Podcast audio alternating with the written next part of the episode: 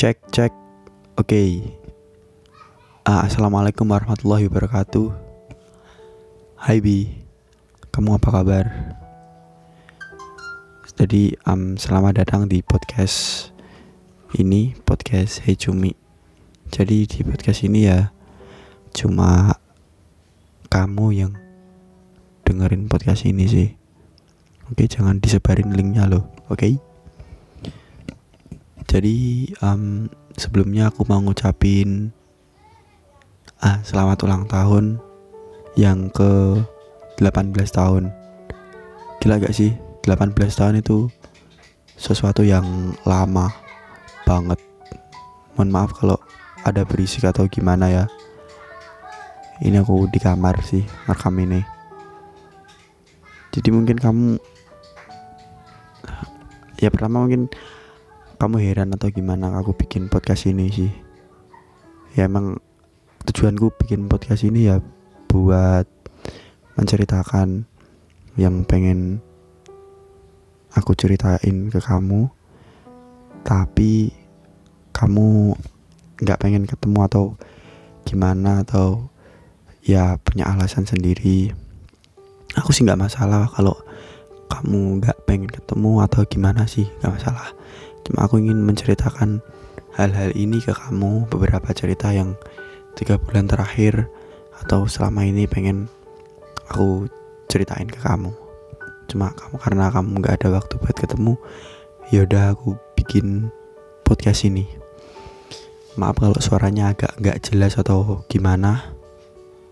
Karena uh, sumuk nih gini. Uh, ya itu yo yo ya selamat ulang tahun ke 18 tahun buat kamu. Aku doain kamu biar eh, pokoknya selalu lah.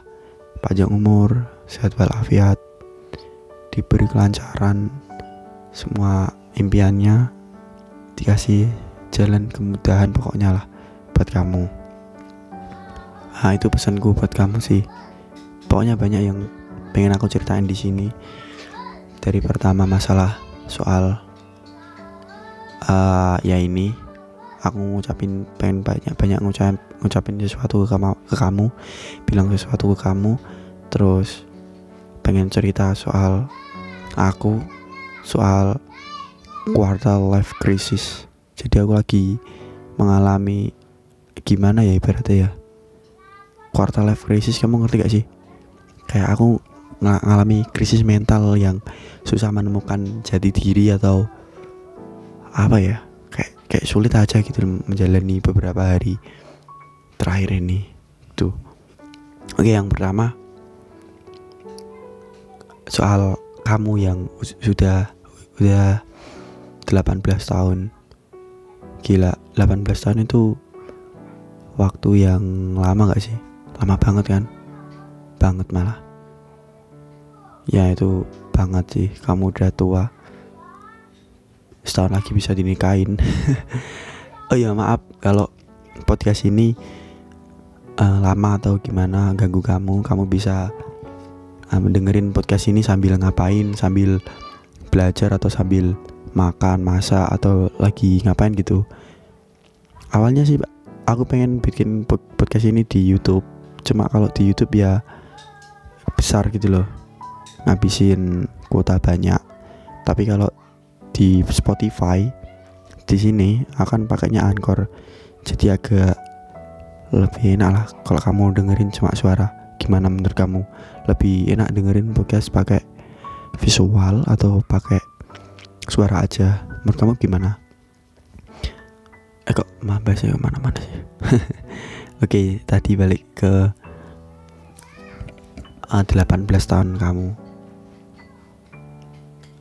18 tahun itu sesuatu yang lama. Kamu mudah tumbuh jadi orang yang bener-bener kamu. Ini aku mau menceritakan pandanganku ke kamu ungkapan aku ke kamu soal pokoknya kamu itu bagaimana. Jadi pokoknya aku di sini mau cerita banyak lah. Maaf kamu kalau aku ganggu kamu atau gimana.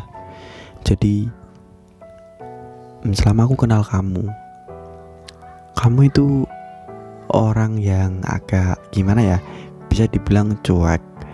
Terus terus ketika kenal ketika bersyukur sih aku beneran aku bersyukur banget.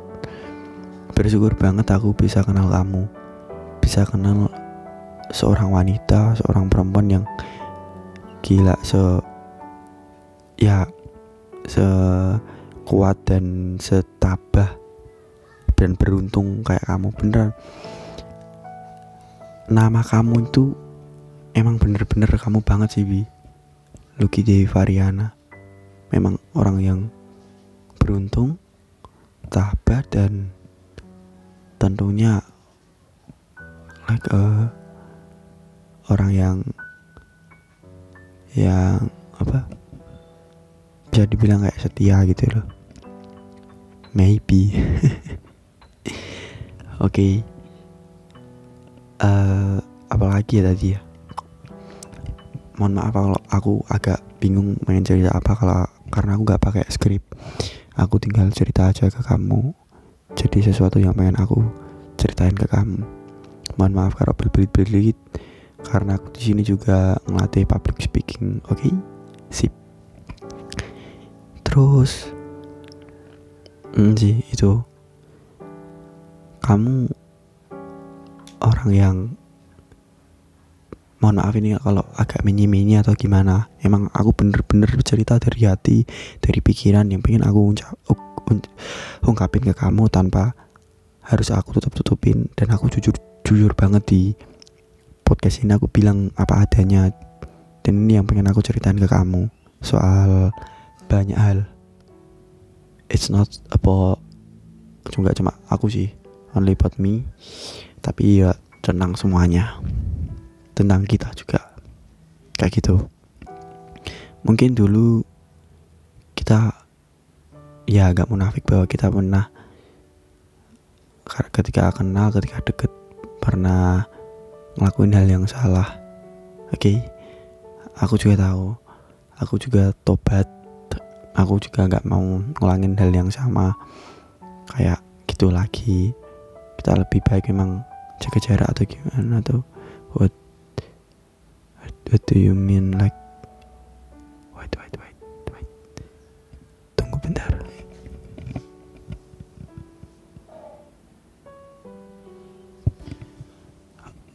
Oke okay, kembali lagi. Mohon maaf.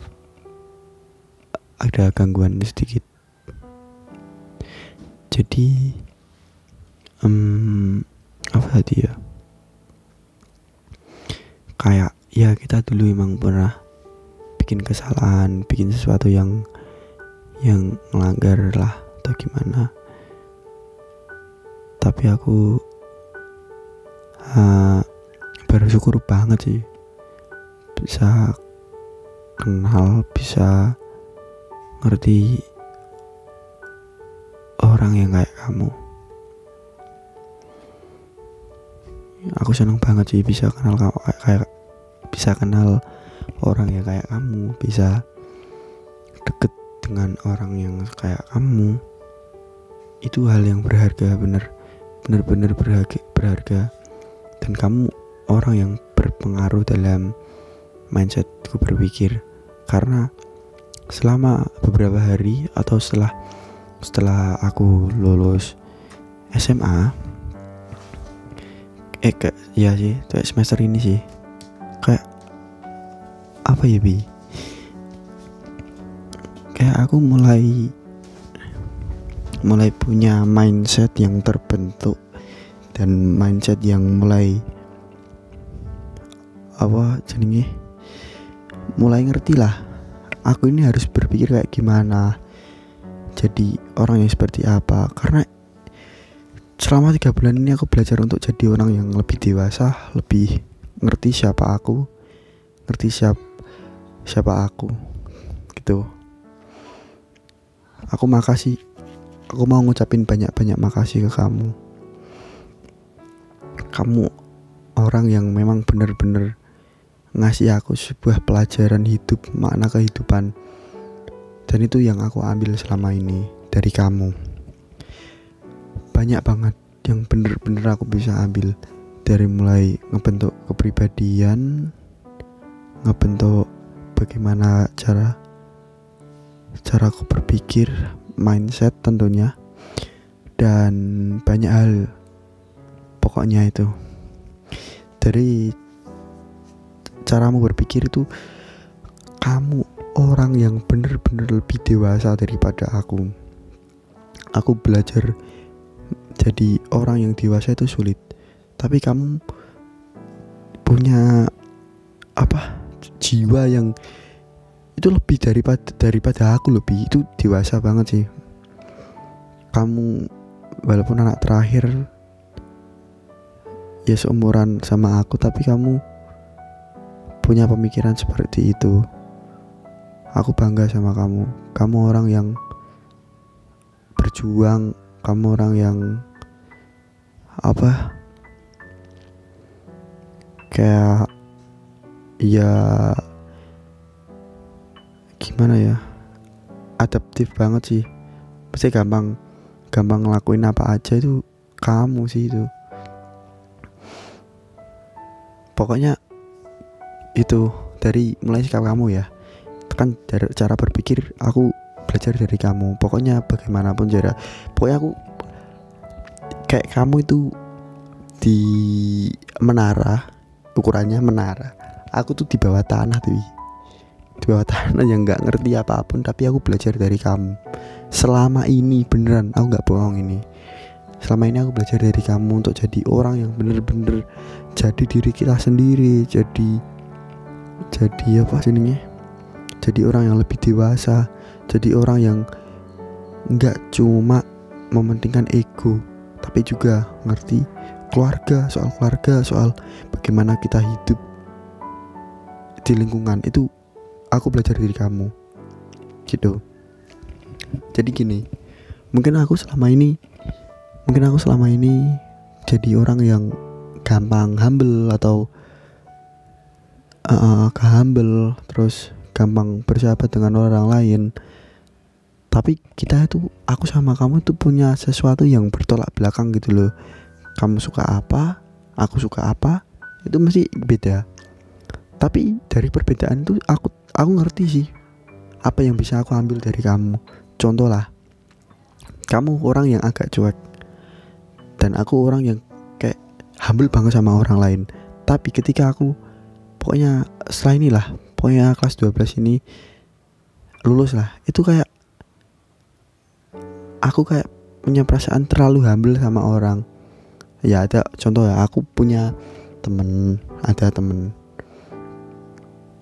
Ya aku ditemenin sama ya temenin bersahabat sama mereka. Tapi aku kayak ngerasa kayak aku dimanfaatin gitu loh. Yang ya mereka minta bantuan ya nggak masalah sih aku minta mereka minta bantuan. Tapi kayak apa ya?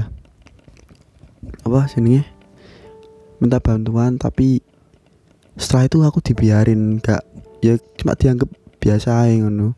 Ayo dicuekin atau kayak aneh gitu loh aku ngasih apa kok mereka responnya gitu. Dan itu aku belajar dari kamu bahwa jadi orang itu jangan terlalu humble jangan terlalu nggak apa kayak so asik atau gimana sama orang. Nggak apa-apa kita emang nggak harus punya banyak teman. Cuman cuman kita harus ngerti di mana kita bersahabat sama orang itu uh, bukan milih-milih kayak selektif tapi memang yang bener-bener bener-bener teman yang selalu ada itu susah sih bi. Cuma setidaknya kita harus ngerti orang yang punya visi misi atau pemikiran yang yang enggak toksik sih. Kadang emang beberapa temanku ada yang toksik gitu sih nggak cuma kelas atau entahlah. Kayak mereka itu mulai menjauh makanya aku kayak aku ngerasa bahwa introvert memang lebih baik. Orang jadi pendiam itu memang lebih baik sih. Karena ketika aku pendiam ketika aku nggak ngurusin urusan orang lain pasti terlibat dalam kehidupan orang lain atau ya ikut-ikutan gitu aku ngerasa lebih aman sih. Ya kayak kamu gitu kamu kan ya nggak pengen terlibat dari dalam urusan orang lain walaupun akhirnya kamu terjebak dalam masalah tapi setidaknya kita nggak oh, usah ikut campur pendiam lebih baik daripada banyak omong menunjukkan dari bagaimana kita beraksi, bagaimana kita berperilaku itu jadi sesuatu yang lebih baik sih daripada cuma omong doang. Kayak gitu. Nah, teman-temanku ini ya kayak respect ke aku peduli tapi mereka itu toxic toxic gitu lebih toxic banget. Kayak apa ada yang full full power kalau harus nurutin dia. Itu sih. Padahal aku punya pilihan lain punya pilihan lain terus harus pokoknya kudu aku kudu kayak aku ngene iki kayak gitu sih. Nah itu yang aku belajar dari kamu dari sifat kamu yang cuek itu aku bisa belajar bahwa setidaknya kita cuek sedikit lah sama orang gak usah sama orang. Bahkan aku karena beberapa temanku toksik karena beberapa temanku itu kayak apa jadinya kok kok ini elek aja you nah akhirnya aku hapus kontak lo beneran beberapa orang yang toksik beberapa orang yang makanya kayak di sosial media itu kayak pamer ria atau toxic toxic relation sama aku gitu. Hubungannya aku lebih baik aku pendiam aja nggak ngurusin urusan mereka dan aku hapus kontaknya. Beneran. Itu yang aku lakuin ke beberapa orang sih. Yang mereka yang toksik toksik itu jadi biar ada ya ada pembatas bahwa aku nggak pengen mereka itu semakin wah wah atau gimana. Dan aku gak pengen memunculkan jiwa yang kayak agak iri atau kayak syirik gitu lebih ke mereka. Baik agak pengen melihat mereka. Jadi di sosial media ini makanya aku agak-agak males ya jujur aku agak males buka media sosial. Jujur aku agak males buka media sosial.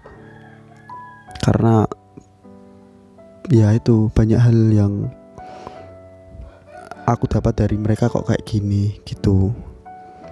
Terus pokoknya banyak sih banyak sifat kamu yang aku pelajari yang aku ngerti bahwa ini loh aku jadi diriku sendiri tapi aku harus belajar dari kamu untuk jadi orang yang bisa berpikiran mindset merubah main. Aku selama ini aku berubah eh, mencoba untuk merubah menjadi orang yang benar-benar aku dengan sifat kamu. Kayak gitu gitu loh. Bukan ngikut cuma mengikuti menyontoh lah contoh lah kayak contoh kayak kamu gitu loh. Itu terus aku uh, banyak sih. Kayak terutama kalau pas ngechat sama kamu. Itu kan kita kan ya aku nggak ngerti kamu itu bagaimana. Cuma aku ngerasa bahwa kamu itu memang jadi teladan contoh lah. Contoh buat aku berubah perilakunya jadi dari orang yang childish menuju ke kedewasaan. Itu yang aku pelajari dari kamu gitu. Terus uh, ini mohon maaf kalau aku bahas sesuatu yang sensitif atau bagaimana. Tapi ini yang pengen aku ungkapin ke kamu. Aku memang bener-bener banyak terima kasih sama kamu. Mau kamu nggak anggap aku sebagai temen atau kamu cuekin aku mau kamu gimana gimana ini aku ya? Ya kamu orang yang paling berpengaruh dalam hidupku. Itu yang aku pengen aku tekanin. Kamu orang yang paling aku percaya. Aku cuma punya kamu yang bagaimanapun aku balik ya ke kamu pulang kayak curhat uh, kalau ada sesuatu aku pasti ke kamu. Karena kamu orang yang paling aku percaya. Ketika aku suasana seneng susah apa pun itu suasananya pasti aku bilang ke kamu pasti aku cerita ke kamu. Walaupun kamu nanggepinnya bagaimana meskipun kamu nggak peduli meskipun kamu nggak apa respect atau bagaimana kamu cuekin aku aku nggak masalah soal itu. Setidaknya aku punya tempat buat aku ngungkapin keluh kesah. Mesti mengungkapkan sesuatu yang pengen aku ceritakan. Kalau kamu pengen dengerin kalau enggak pun ya udah nggak masalah aku juga nggak pengen gagu-gagu kamu soal uh, kehidupan kamu atau perasaan atau bagaimana gitu.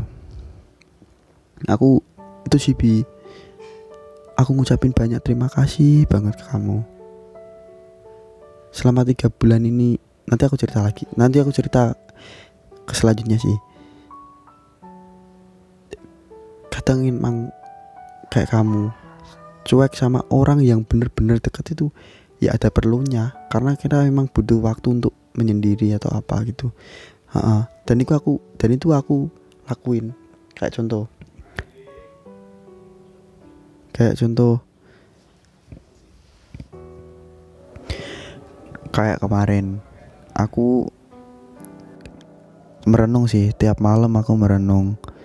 Bahkan tiap hari sih itu. Merenung kalau ya uh, kayak memahami diri terus memahami lingkungan terus cuek sama sesuatu itu terkadang perlu sih bi. Aku mikirnya kayak gitu pas kemarin-kemarin. Makanya aku nggak ngechat kamu. Kamu pun ya agak ngerti. Mungkin kamu mikirnya aku ngejauhin kamu atau gimana pada saat itu ya. Tapi di posisi itu aku lagi mikir banyak hal nggak cuma aku tapi soal keluarga soal masa depan. Itu yang aku pikirin. Tiap malam aku bangun sholat tahajud. Ya aku mikir banyak hal. Kadang aku nangis di situ. Ya Allah ternyata urip urip sekeras iki kan lo kayak aku harus punya mental yang lebih dari sekitar orang biasa. Lebih-lebih makan jadi gitu. Terus ya ya susah sih kalau ngomong monolog monolog gini. Jadi cuma aku yang ngomong. Harusnya kita diskusi makanya aku ngajak kamu ketemuan ya. Pengen ngajak ke diskusi pengen ngajak saling berbagi pikiran. Ini aku ngomong ini sesuai dengan jalan pikiranku sendiri. Aku nggak ngerti kamu menanggapinya gimana silahkan. Tapi ini jalan pikiranku sendiri. Apa yang aku ceritakan apa yang aku ungkapin di sini ya itu memang nyata-nyata dan aku jujur bilang kayak gini tuh kayak apa gitu. Oke. okay. Setelah itu selanjutnya aku mau bahas soal ya mungkin sensitif sih bagi kamu. Cuma ya ini mungkin penting. Aku ngerasa kamu mulai beda banget setelah bapak sedo bapak kamu. Kayak aku ngerasa bahwa iya kamu ada banyak perubahan. Tapi aku ya mungkin aku agak ya kalau diriku sendiri mungkin ya agak ya agak aneh sih tapi ya nggak masalah. Kalau kamu kayak gitu aku malah justru senang ketika kamu ada perubahan dengan sesuatu yang lebih baik kamu punya pemikiran yang jauh ke depan itu malah aku lebih seneng. Hmm, kan apa kita kan kita ya dulu pernah ya kontakan pernah deket. Aku ngerti kamu juga ngerti. Kita gak munafik pernah pernah deket. Tapi mulai ke sini aku mulai menyadari bahwa dan belajar banyak hal pokoknya. Kayak ketika kita suka sama orang itu gak harus memiliki. Cukup kita kenal aja cukup kita cukup cukup kita deket aja sama orang itu dan tanpa harus memiliki itu menurutku ya udah emang gak masalah. Untuk tujuannya cuma pengen deket aja kayak gitu. Tapi tapi yang aku sesali bukan sesal sih ya agak gak nyaman. Ya jujur aku agak gak nyaman ketika kamu kok ujuk-ujuk kok mulai menjauh atau gimana atau perasaan kamu mulai beda atau gimana ya aku gak apa-apa gak apa-apa itu. Cuma soal perasaan gini lebih soal perasaan itu mau kamu bagaimana itu urusanku sendiri. Contoh ketika kamu disukai orang ketika kamu suka sama orang contoh lah ya dulu aku jujur aku kan yang ngerti sendiri lah aku pernah suka sama kamu. Oke itu ya. Tapi ya ya setelah ya udah nggak nggak nggak ada yang masalah. Ketika aku mulai mulai memahami lah. Itu emang hasratnya emang seperti itu. Kodratnya emang seperti itu. Aku gak masalah. Kalau kamu punya perasaan atau gimana sama orang lain soal soal hatiku soal perasaanku itu biar aku yang bawa biar biar aku yang uh, yang ngerti sendiri soal cemburu atau apa itu aku sendiri yang kamu gak gak usah campur soal isi masalah hatiku. Biar ya itu urusan pribadiku privasiku. Tapi kadang yang aku apa ya kayak cemburu atau apa gitu bukan ketika bukan ketika ada orang suka sama kamu atau uh, kamu suka sama orang tapi ketika ada orang yang lebih peduli lebih care lebih care daripada aku tapi ada orang yang lebih care daripada aku. Walaupun orang itu sama kamu nggak sama-sama suka atau gimana itu nyeseknya di aku itu gila sih itu kayak aku kurang peduli aku kurang peka atau gimana. Jujur lebih itu selama selama ini aku cemburu atau apa itu kadang di situ kayak wah dia care banget sama kamu tuh dan aku merasa kayak iri ya apa gitu. Wah bahkan aku kayak ya aku gak ngerti cuma kayak perasaannya kayak gak dianggap sama kamu atau gimana gitu. Ya aku gak masalah sih gak apa-apa. Kamu punya jalan kamu sendiri. Pokoknya sekarang hmm, untuk soal perasaan kita bawa masing-masing. Kamu dengan urusan kamu aku juga urusanku sendiri. Aku gak akan ikut campur soal masalah kamu punya hubungan atau apa perasaan atau bagaimana. Karena aku gak pengen bikin kamu gak nyaman gak pengen bikin kamu kayak ilfil atau gimana. Atau melanggar sesuatu atau apa gitu sih. Kalau menurutku pandanganku ke kamu gitu.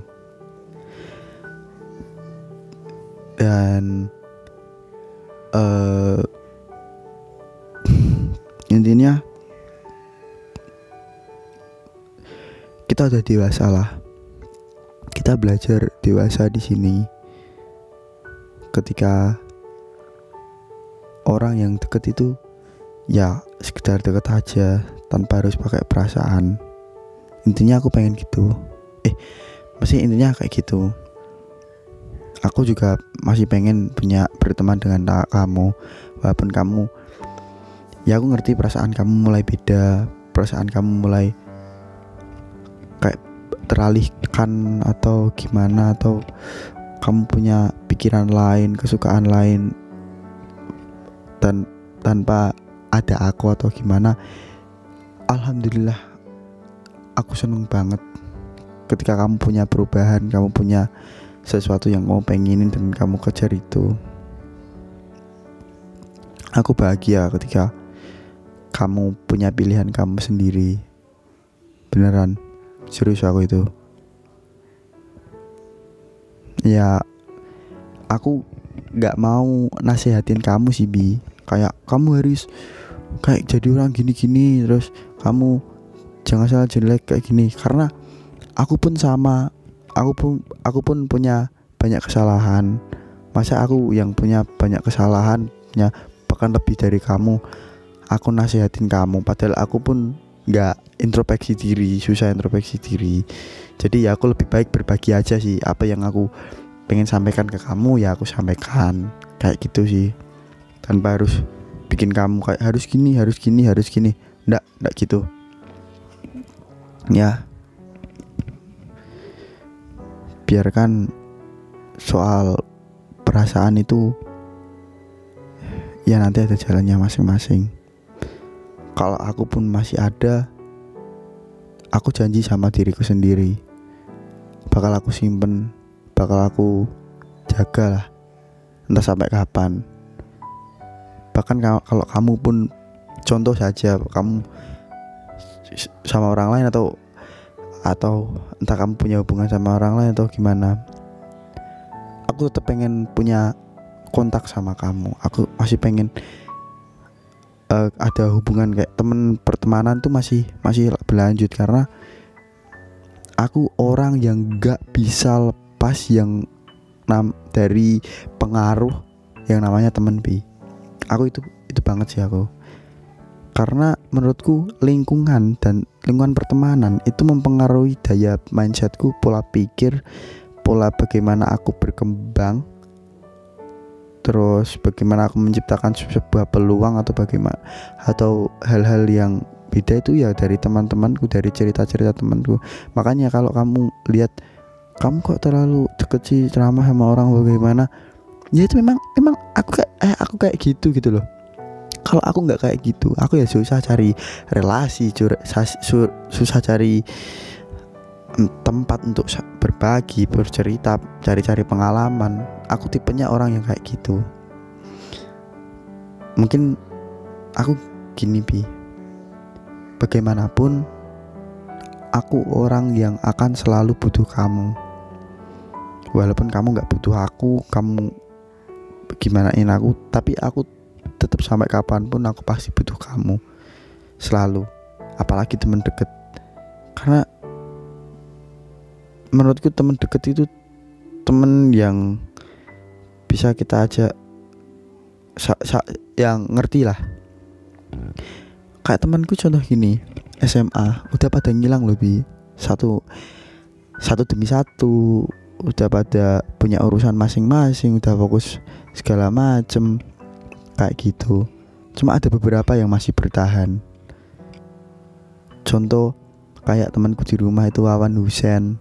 Terus paling Aji sama Riris. Itu orang yang masih ya walaupun tiap hari gak kontakan tiap hari gak ketemu tapi mereka itu selalu ngerti dan tepat waktu ketika saling membutuhkan saling ngerti satu sama lain. Bukan ketika pas ada urusan baru datang ada urusan baru butuh bantuan tapi terus setelah itu dibiarin gak care sama aku aku gemes sama orang kayak gitu sih Oke, okay, aku ngerti perasaan kamu mungkin kayak gini sih. Pikiranku ya bi, pikiranku soal kamu masih kayak gini. Aku tuh pengen ngejauh dari eh pengen nggak pengen apa sih ini main-main soal perasaan atau main-main soal apa sih ini pacaran atau bagaimana lagi terus gitu kayak aku pengen jalan yang baik. Oke okay, aku setuju dengan kamu. Aku pun kayak gitu bi. Pemikiranku pun sekarang kayak gitu. Cuman yang agak aneh itu ketika kok tiba-tiba kamu cuek banget bahkan kayak aku ngechat terus kamu kayak ibarat gak care atau gimana. Ya udah makanya aku kadang aku read soalnya ya aku mikir kayak gini oh mungkin Lucky anu sih gak nyaman atau kalau kamu ketika aku ngerasa bahwa kamu gak nyaman lebih baik aku deketin sih bi lebih baik gak aku ajak ngobrol atau gimana. Soalnya kalau kamu kan jujur kamu orang yang bisa dibilang kayak agak temperamental atau kayak dikit sensitif sih. Kamu kan orang kayak gitu. Ya itu yang ya itu juga aku pelajari dari kamu. Ketika ada orang yang kayak gitu jangan kita langsung oh, brodong dengan jawaban pertanyaan segala macam lebih baik aku ngertiin dengan hatiku. Mungkin kamu gak ngerti ketika aku chat kamu kayak gimana tapi aku tetap sabar. Aku orangnya sabar ngadepin kamu. Ah bagaimana? Gak, gak, gak masalah sih. Agak pernah direpotin. Ngerasa direpotin sama kamu. Cuma aku ngerasa ada sesuatu yang aneh aja berubah dari kamu. Kayak gitu. Oke? Okay? selama tiga tahun aku kenal kamu. Kamu bisa ngasih aku sebuah jalan pikiran pola pikir yang nggak bisa aku dapetin dari orang lain. Aku nggak pernah kebayang ketika aku jadi kamu sih. Kayak gimana? Ketika kamu jadi anak terakhir dan posisi kamu keadaan kamu seperti itu kadang aku ah gila rasa rasa bersyukur aku terhadap lingkunganku terhadap posisiku. Kadang ya aku memang seperti ya ada kadang kayak kamu aku ngalami quarter life crisis mengalami beberapa hal yang kayaknya nggak enak. Nanti aku ceritain. Nanti aku ceritain soal itu. Itu beberapa hal yang nggak enak. Tapi tetap kamu orang yang kuat. Kamu orang yang tabah. Ketika kamu dihina ketika kamu banyak masalah kan bi? Kamu bi? Ya itu. Jadi, jadi ya aku bisa belajar banyak dari kamu lah terus aku minta maaf. Ya aku mohon per, setelah ini aku ya setelah kelanjut aku mohon maaf kalau aku pertama ngerepotin kamu dalam segala hal. Aku bikin kamu waktunya terganggu atau aku bikin kamu gak enak aku bikin kamu nangis padahal aku gak pengen kamu nangis loh ya Bi. kalau kamu nangis berarti aku dosa itu. Aku gak pengen kamu merasa gak nyaman atau bagaimana. Intinya aku pengen bikin kamu senyaman kayak senyaman kayak ya teman biasa kayak gitulah. Tanpa harus ada ya aku, aku kalau kamu minta sesuatu kamu kayak kayaknya nggak usah pakai perasaan atau gimana oke. Okay, aku aku turutin keinginan kamu untuk tidak pakai perasaan atau bagaimana?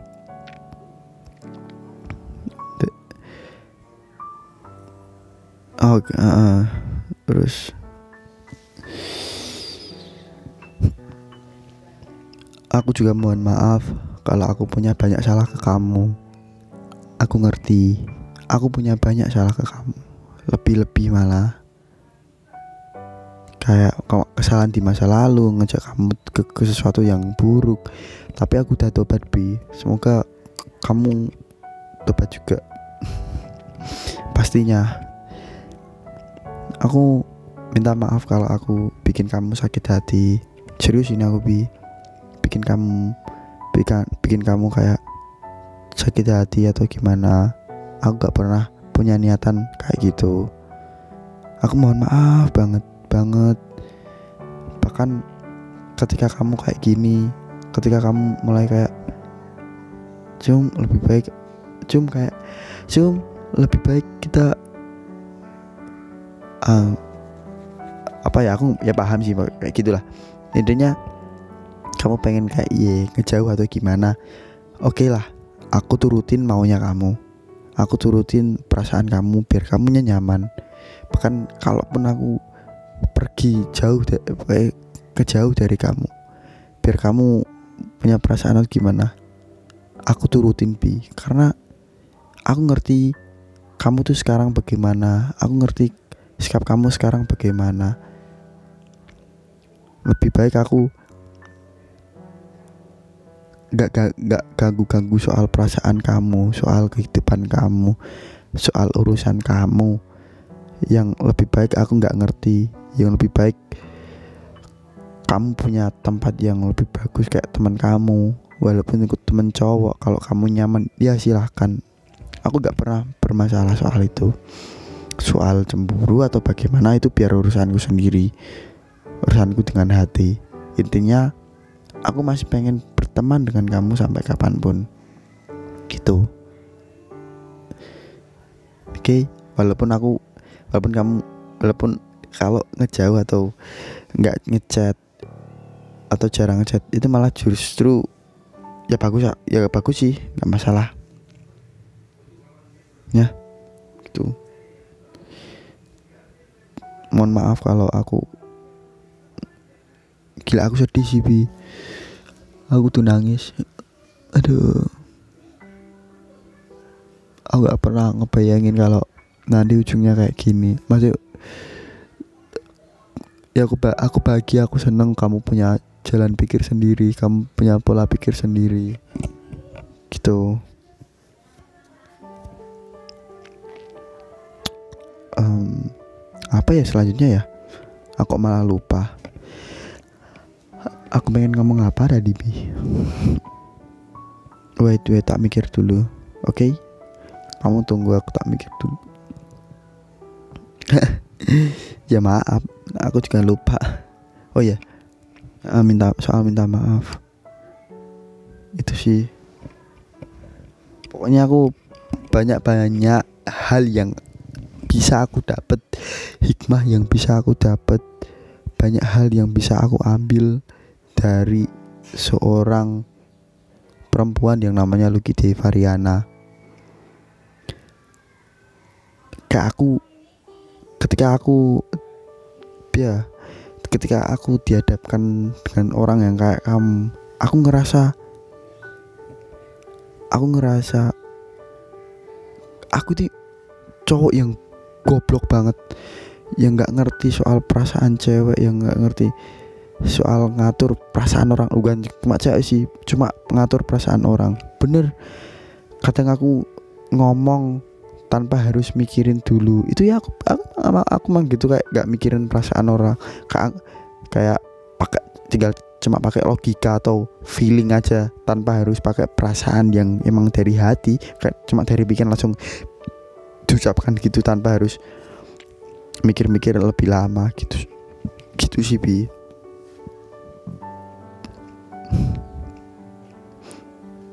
Aku orang yang kayak gitu tapi ketika ada kamu aku mikir mulai merubah pola pikir. Oke setelah setelah itu pokoknya intinya uh, kita jalani hidup kita masing-masing tanpa ada, ad, tanpa ada yang harus ganggu satu sama lain contoh tanpa harus ganggu privasi. Seumpama contoh lah seumpama kamu punya nilai rapot. Agak bakal tanya-tanya eh nilai kamu rapot kamu berapa?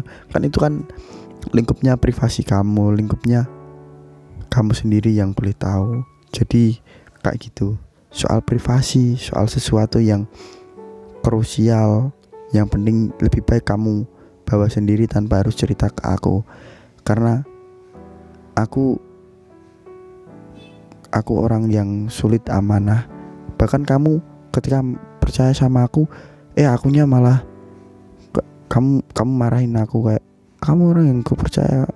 Gitu tapi aku nggak bisa memanfaatkan kepercayaan kamu dengan baik kayak gitu sih bi. Aku minta maaf itu.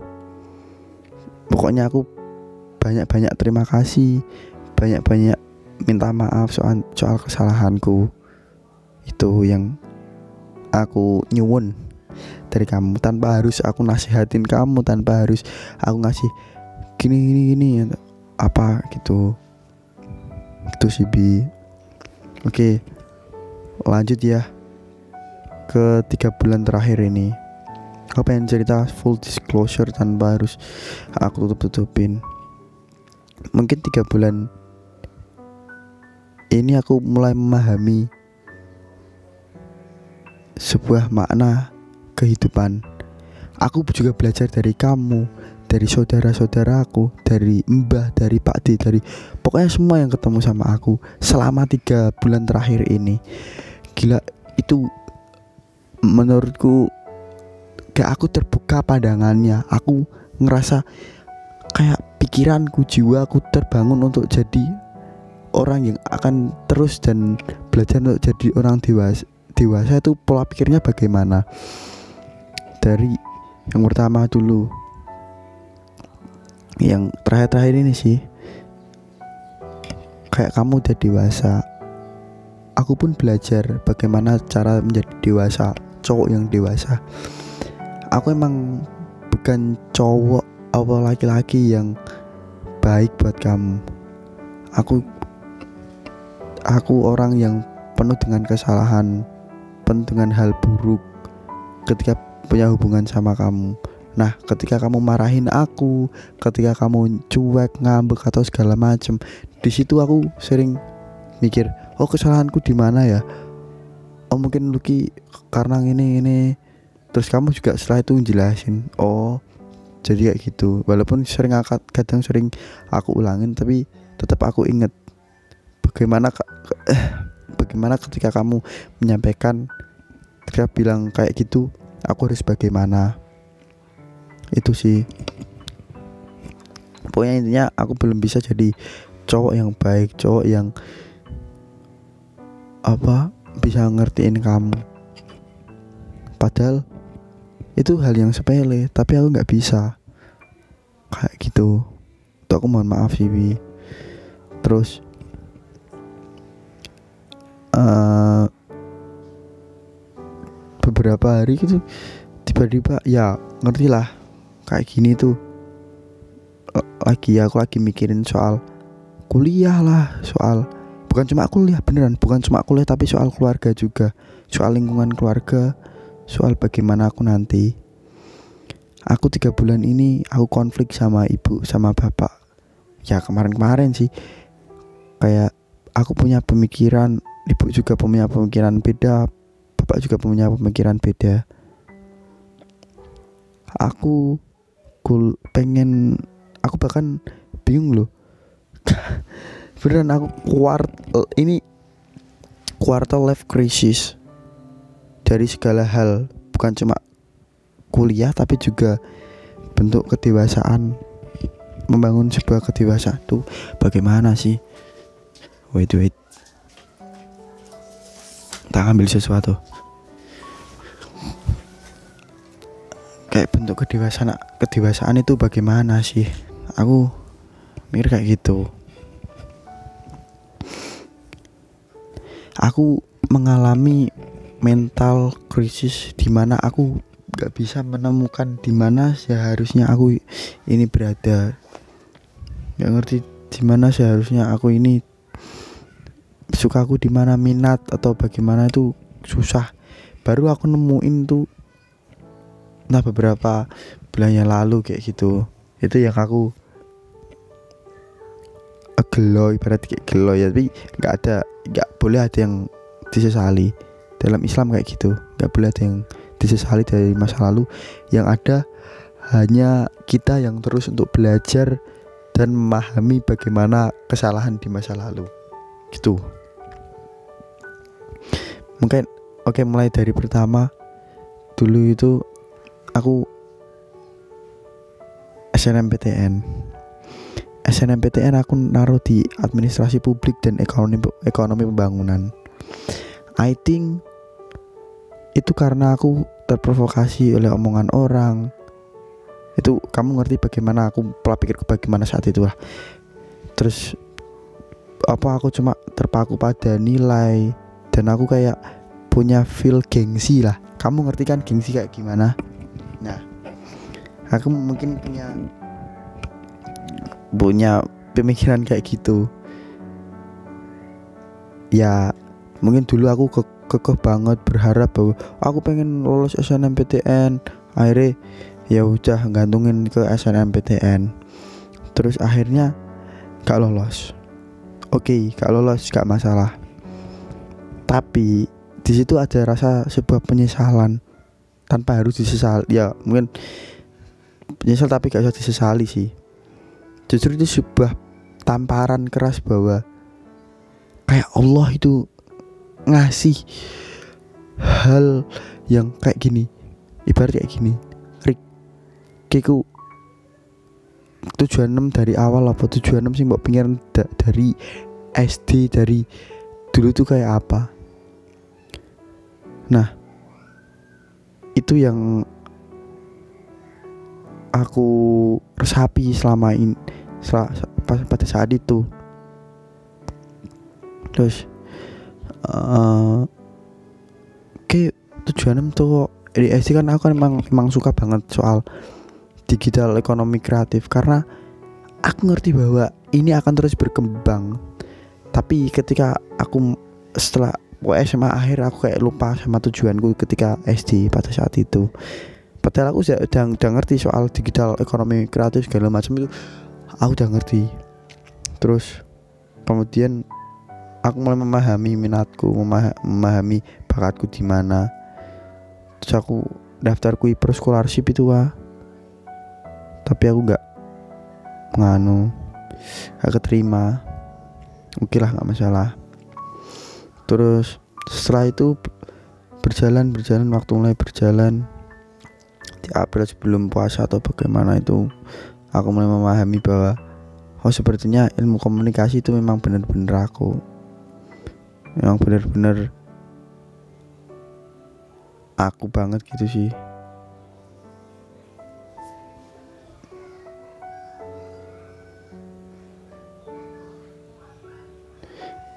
Mm -mm, emang bener-bener aku itu kayak gimana gitu pada saat itu. Uh, aku milih komunikasi karena memang ya aku emang orangnya kayak gitu suka komunikasi sama orang dan itu masih dalam lingkup digital kreatif gitu sih. Kayak kayak gitu. Kamu juga ngerti sendiri ya. Aku cerita ini tanpa harus aku ada yang aku tutup tutupin lebih. Emang bener-bener aku cerita ini aku ngalami quarter life crisis terus oke okay, aku aku belajar itu di jalur SBMPTN itu jalur neraka. Bagiku itu jalur neraka. Jalur di mana ngerti lah persaingan 700 ribu orang pendaftar yang diterima 100 ribu. Aku juga gak menafik ini yang SBM ya. Aku gak menafik bahwa aku pun kayak gini pas-pasan gitu loh. Aku semangat belajar aku semangat ngejar skor atau bagaimana. Tapi ya aku pasrah. Tetap tawakal tapi tetap pasrah aja gitu. Mau gimana pun nanti itu urusan Allah lah. Aku tetap pengen berusaha aja semaksimal mungkin. Terus kenapa kalau kamu tanya kenapa cum kamu kok pilih geografi atau unes itu? Yap itu sebagai cuma sebagai cadangan sih biasanya. Terus kalau ikut ujian mandiri oke okay, ujian mandiri aku pengen nya aku nanti naruh sama di UNI atau di UNES atau di UPN kalau ada waktu kak. Karena ya kayak COVID-19 ini kan belum selesai gitu loh. Karena tesnya juga ada yang di luar gitu. Terus aku kadang ini konflik ya bi. Ini konflik. Itu pokoknya cerita itu. Aku konflik aku sama bapakku kan yang namanya sesuatu itu kayak kegagalan tuh sesuatu yang lebih pasti dibanding dengan kesuksesan. Masa kita mencapai sesuatu itu gagal tuh malah justru sesuatu yang lebih pasti loh ya bi karena kita mencari peluang dan perbandingan itu jauh lebih banyak gagal daripada banyak masuk ke sukses. Walaupun kita harus ya kayak memahami realita memahami keadaan. Aku sih sekarang orang yang kayak gitu bi. Beneran. Aku dulu orangnya yang idealis banget harus gini aku besok kok gini aku besok gini gini gini. Eh ternyata kita nggak boleh kayak gitu. Iba katanya bapak urip kan tujuan nang. Tapi terus saya mengalir aja tanpa harus ada yang disesali sambat gak oleh nang. Kayak gitu sih bapak bilang kayak gitu. Terus gini akan bingung bi. Pasti minatku kan di situ. Terus aku ya pengennya di situ. Kemudian kalau pak kalau aku bilang sama bapak pak sama bapak aku sih pak kalau aku pengen di apa sama di swasta sih gimana pak? Tapi di luar. Ya kembali lagi. Ya soal kon ya kembali lagi nih soal konflik ekonomi keluarga lagi kayak gini itu bapak emang keluargaku. Ya aku ngerti. Bapak bisa mencukupi aku bapak bisa mencukupi aku sekolah bisa mencukupi adik-adikku. Tapi gak seberapa masih gak besar banget gitu lebih nah jadi jadi aku ya harus memahami bagaimana keadaan ekonomi keluarga. Walaupun bapak memang bisa mencukupi aku tapi kan nggak seberapa gak besar banget. Kalau seumpama di swasta di luar kan masih mahal, mahal, banget sih. Nah itu aku mulai di kayak sama bapakku. Wis ah, wis ngene lo nang. Mungkin mungkin diminat sesuatu. Tapi ketika kita belajar wongku udah belajar segala hal terutama calanang nah di situlah mulai bermunculan banyak banget orang yang kayak ngasih realita hidup pengalaman hidup yang begitu kejam kayak mbahku terus pak dikku terus mas saudara sepupu segala macam itu mereka ya berawal dari sebagai persis ya kayak aku ketidakpastian atau bagaimana atau terus hidup nggak memang nggak semulus apa yang aku lihat di hadapan mereka. Kayak yang sekarang mereka udah punya uang banyak atau gimana. Tapi dibalik itu ada proses yang jauh lebih ngeri. Contoh kayak bapak aku aja.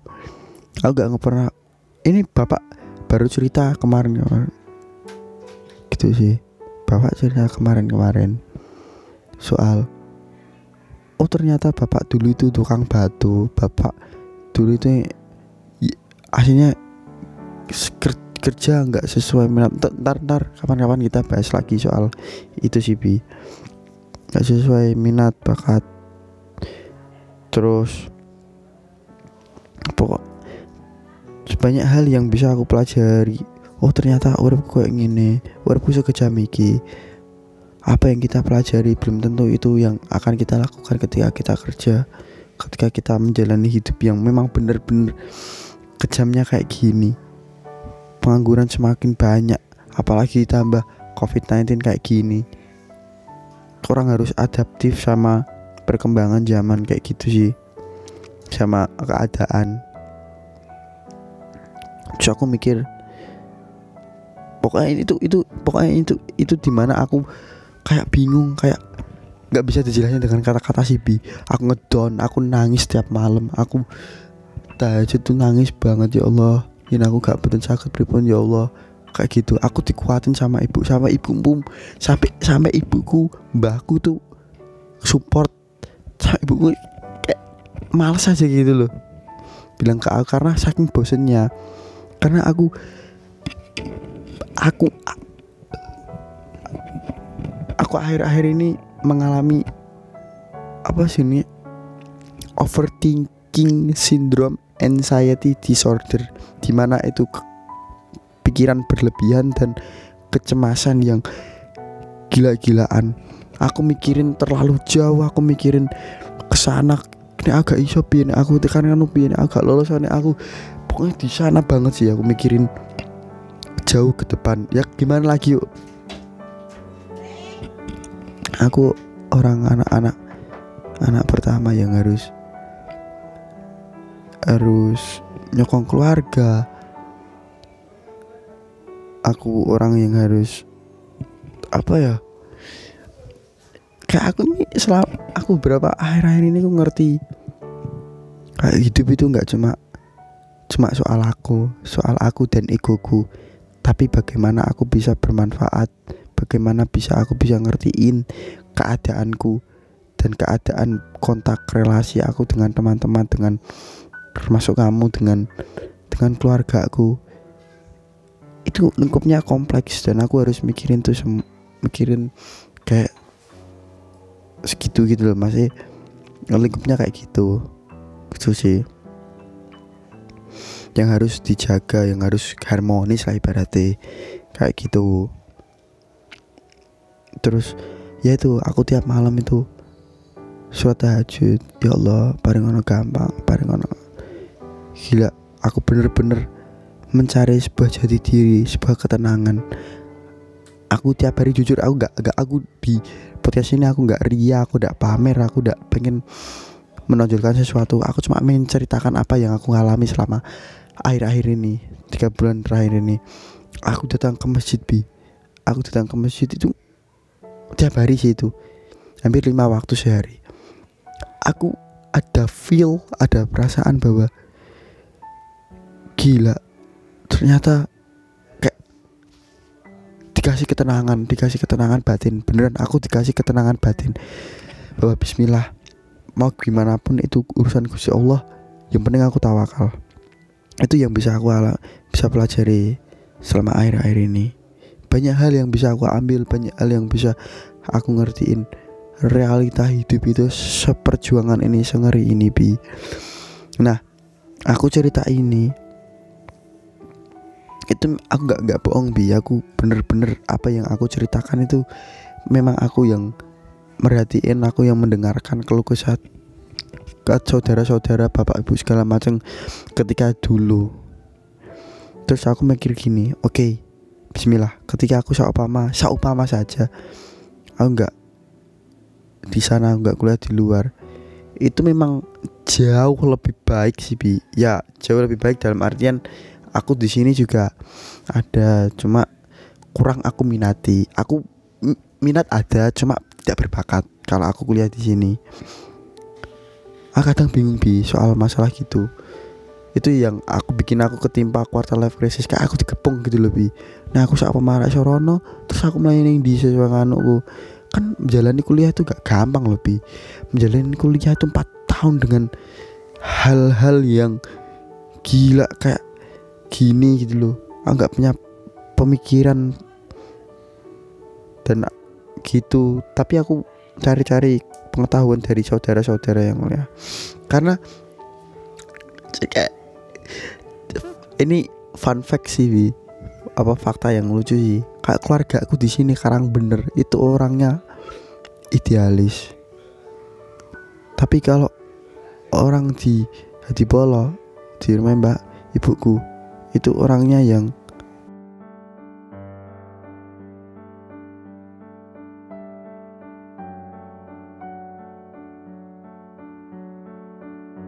jadi maksudnya kalau orang sini atau karang bener ini idealis tuh kalau nggak sepemikiran kalau nggak kuliah di sini sini sini atau nggak sepemikiran atau gimana dan kayak dianggap nggak mampu mencapai ke situ itu dianggap kayak kamu tuh di judgment bahwa mau kok ini mau kok ngono gitu sih.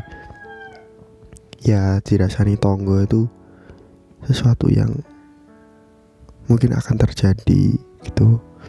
Terus kalau yang nggak polo itu orangnya lebih realistis karena dia memahami bahwa hidup ya emang sekeras ini. Emang ini yang harus dijalani gitu, gitu loh kalau orang sana jadi selama aku tiga bulan ini tuh gila sih. Aku belajar menjadi orang dewasa. Aku belajar menjadi apa yang kita apa yang akan kita lalui itu memang benar-benar ada. Aku banyak yang aku ikut apa aku tanya-tanya sama orang dari mulai tukang anu sapu tukang nyapu tukang nyapu. Terus tukang nyapu yang ya hidupnya merasa bersyukur aja tercukupi walaupun gajinya sedikit. Terus apa kayak yang dulu di kereta itu juga sih. Terus cerita bapak di masa lalu yang pernah jadi tukang batu terus banyak banget lah orang-orang yang aku ajak ngobrol tuh. Gila ternyata hidup itu seperjuangan itu. Kayak mereka ngasih aku bahwa jangan ojo dulu aku ojo dulu aku neng kene tapi dulu prosesku selama ini aku menuju neng kene aku kayak piye? Itu yang aku resapi. Banyak banget termasuk mbah kong yang pernah bikin usaha terus bangkrut ternyata proses itu lebih penting daripada tujuan utama kita loh. Kita lebih meresapi proses. Itu yang aku ambil dari mereka bahwa hidup sekeras ini setelah SMA aku baru ngeh ternyata gila se segitu kerasnya sih kayak gitu. Terus nah di di konflik keluarga masih konflik antara aku ibu dan bapak itu aku mungkin masih menonjolkan uh, kayak ego gitu. Loh aku punya masih punya ego harus gini harus sesuai gini gini tapi bapak dan ibu itu ngajarin bahwa nang urip ki oh gak sesuai apa sih pikiranmu tapi bisa jadi malah berubah banget dan kita harus me, kayak menuruti apa yang terjadi gitu lebih apa pun yang akan terjadi yaitu kita jalani dan kita bersyukur. Kadang aku ya bener sih aku salahnya aku masih kayak pemikiran anak kecil atau gimana. Tapi aku di samping itu aku pengen di luar karena aku pengen mandiri aku pengen ngerti. Tapi ya balik lagi semua kan kebutuhan kan yang luar kan orang tua bukan aku. Gitu. Kadang aku bener sih aku terlalu melihat ke atas. Kayak orang-orang yang mampu, orang-orang yang wah luar biasa di atas sana. Tanpa aku melihat orang-orang yang di bawahku. Padahal orang-orang yang di bawahku ini itu yang itu malah teman-teman dekatku sendiri. Dan aku ngerti mereka. Contoh, aku punya teman namanya Eko Sulistiawan. Panggilannya Wawan.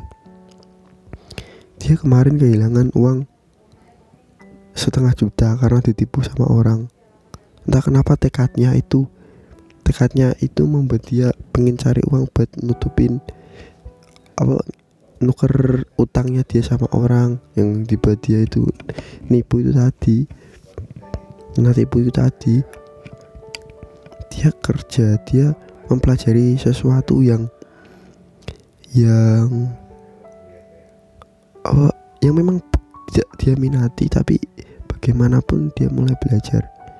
Nah di terus akhirnya dia bisa malah lebih sih nutupi utang-utangnya nutupi uangnya apa cari uang itu tadi. Nah di situ aku ngerti bahwa sebaiknya kita kita punya memang punya minat akan sesuatu punya sesuatu yang kita sukai. Tapi ketika kita keluar dari zona nyaman zona di mana kita nyaman di situ dan sudah cocok tapi bagaimana kita bisa survive dengan keadaan yang ada dan tidak terduga? Gitu. Itu yang aku uh, ambil dari cerita dia. Banyak kok bi. Entah kenapa di bulan ini tuh banyak orang-orang gak sekitarku. Terus aku ketemu sama orang-orang. Pasti mereka cerita soal perjuangan. Tiba-tiba aja kayak nggak lama ketemu terus datang terus yang jarang akrab yang jarang ketemu. Kok tiba-tiba cerita kayak gitu gitu loh. Itu sih. Nah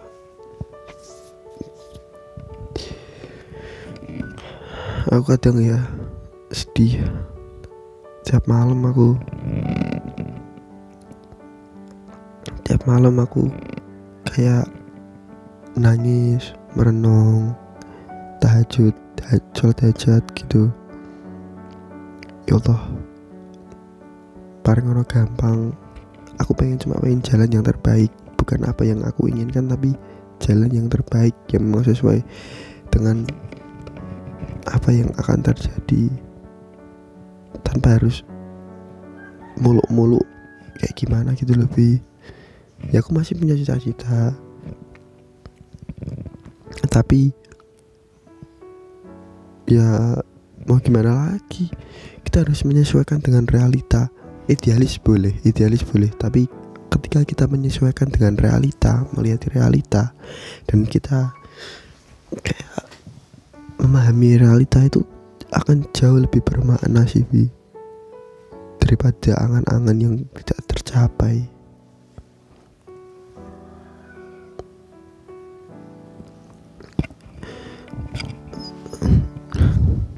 Gitu.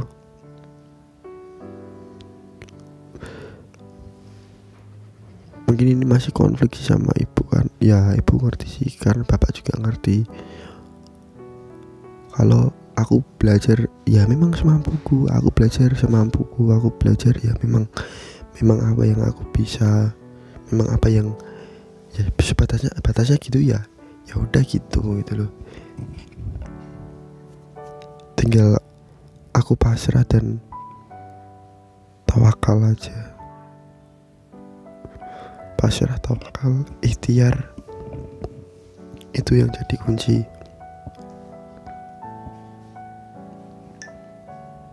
wait wait wait wait se se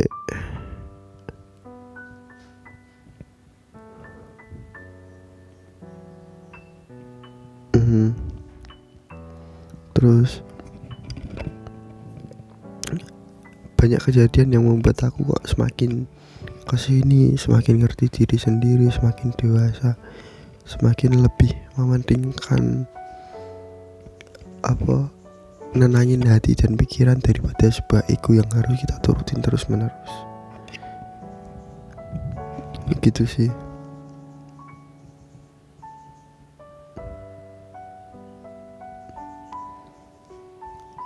Aku ya tetap seumpama nanti.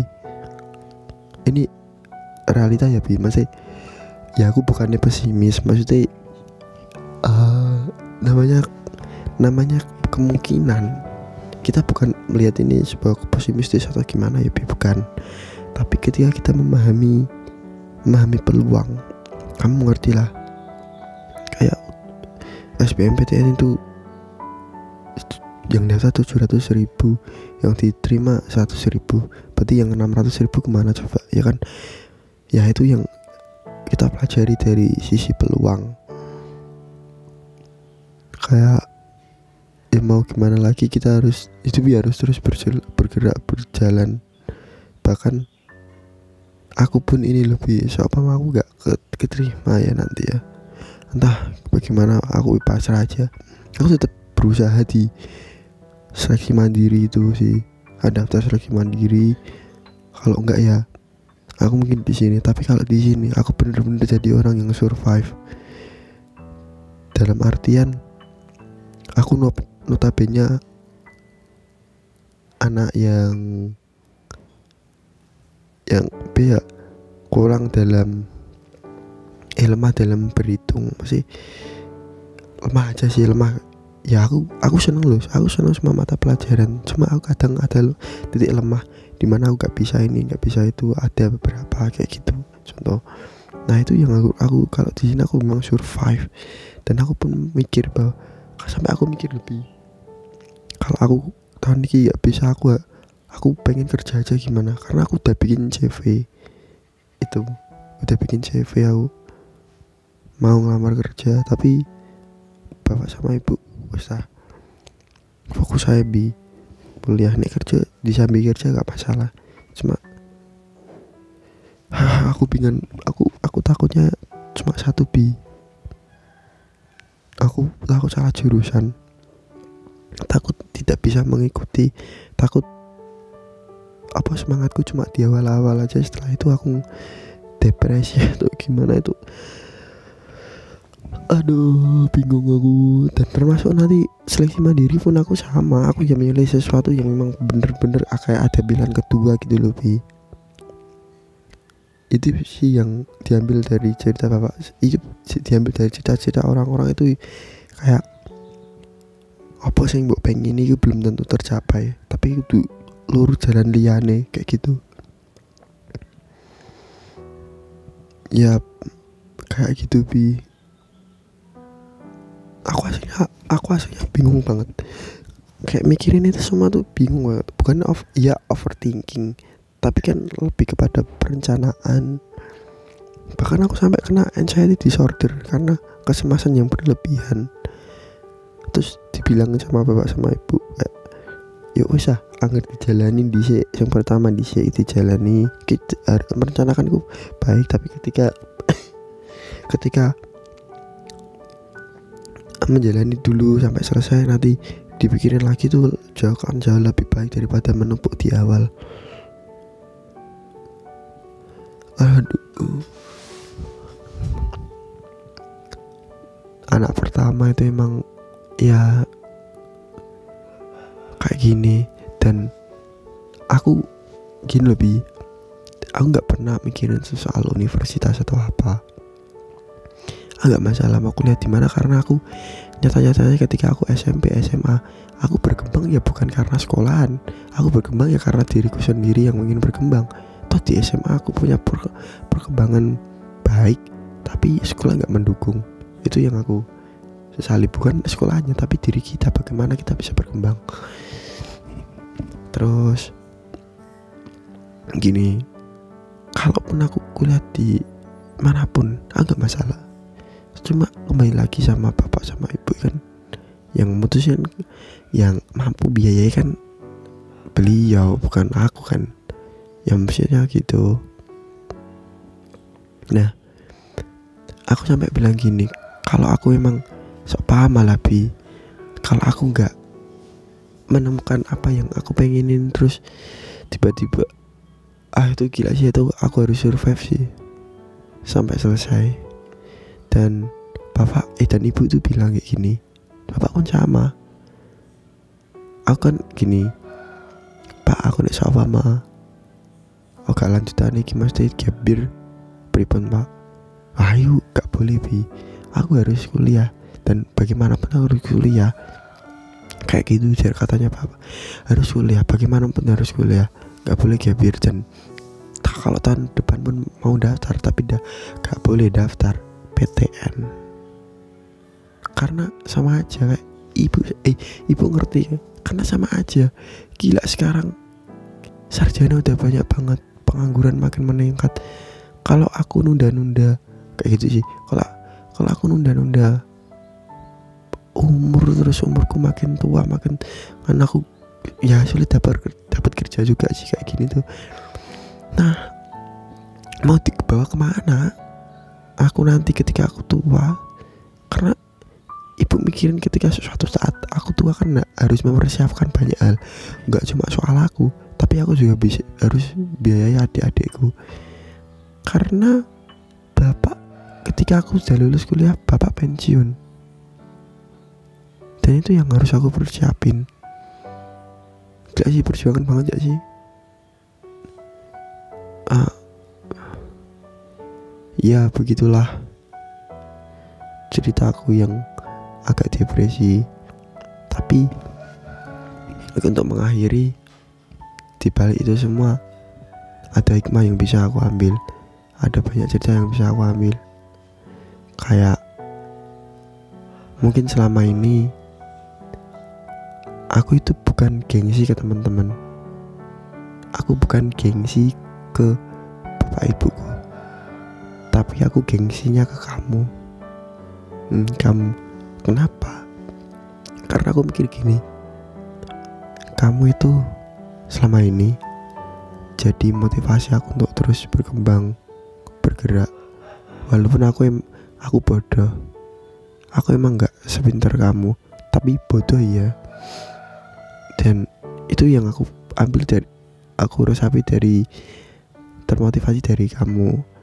Aku harus bisa bukan melebihi tapi setidaknya aku punya diriku sendiri untuk menunjukkan ini lebih ini aku aku bisa kayak gini gitu. Itu yang pengen aku tunjukin ke kamu aslinya. Bukan ke teman-temanku bukan ke bapak ibuku. Kalau soal gengsi ke teman-teman atau eh gengsinya emang nggak nggak bisa bikin kita terus berkembang tapi gengsi itu ya. Bikin kita makin miskin. Ya bikin kita makin miskin. Nah kalau aku gengsi ke kamu berarti setidaknya aku termotivasi untuk terus berkembang gitu loh bi. Nah emang bener-bener terjadi itu. Nah aku mohon maaf. Kalau aku bikin kamu kecewa bikin kamu gak enak atau ngecewain kamu atau entah bagaimanapun yang terjadi yang dulu-dulu atau entah kapan pun itu aku minta maaf. Dan setelah aku resapi ini semua kamu mesti paham lah. Selama tiga bulan ini aku merenung untuk jadi diriku sendiri untuk jadi bukan jadi orang jadi pikiran orang lain tapi bagaimana bisa aku berjuang di jalanku mungkin kesuksesan itu bisa banyak jalan. Dan aku pasti butuh kamu bi. Mau kamu nggak anggap aku apa pun apa nggak masalah. Aku bagaimanapun aku masih butuh kamu. Ini bukan persoalan tentang cinta perasaan atau apa. Ini persoalan bagaimana aku bisa percaya sama orang. Orang yang paling ngerti aku ya ya kamu kayak gitu sih. Perjuangan kayak dimulai gitu lebih mungkin kita aku mungkin kepikiran ini itu ini itu overthinking segala macam. Tapi merencanakan sesuatu itu jauh lebih baik emang banyak banyak banget yang bisa aku ambil. Makanya aku pengen cerita ke kamu secara langsung tanpa harus pakai podcast ini itu ya biar kamu bisa ngerasakan feel bahwa ya emang kayak gini cuma atau gimana? Kita kita bisa diskusi berdua. Kalau gini kan cuma aku yang ngomong ke kamu. Jadi oke okay lah. Sekian lebih podcast dariku. Semoga bisa bermanfaat bagi kamu. Semoga kamu bisa dengarnya tuh oh ternyata aku tuh seperti ini orangnya aku seneng kalau kamu bisa lebih memahami aku. Kita lebih kenal satu sama lain. Apalagi suasana kayak gini. Nggak cuma mikirin soal kuliah tapi soal hidup ke depannya gitu. Selamat ulang tahun. Ya kamu sekarang udah dewasa. Gila aku aku ap appreciate aku hargai perjuangan kamu. Kamu itu memang benar-benar orang berpengaruh dalam hidupku. Terima kasih bi. Sekian. Wassalamualaikum warahmatullahi wabarakatuh. Bye bye hejumi cium.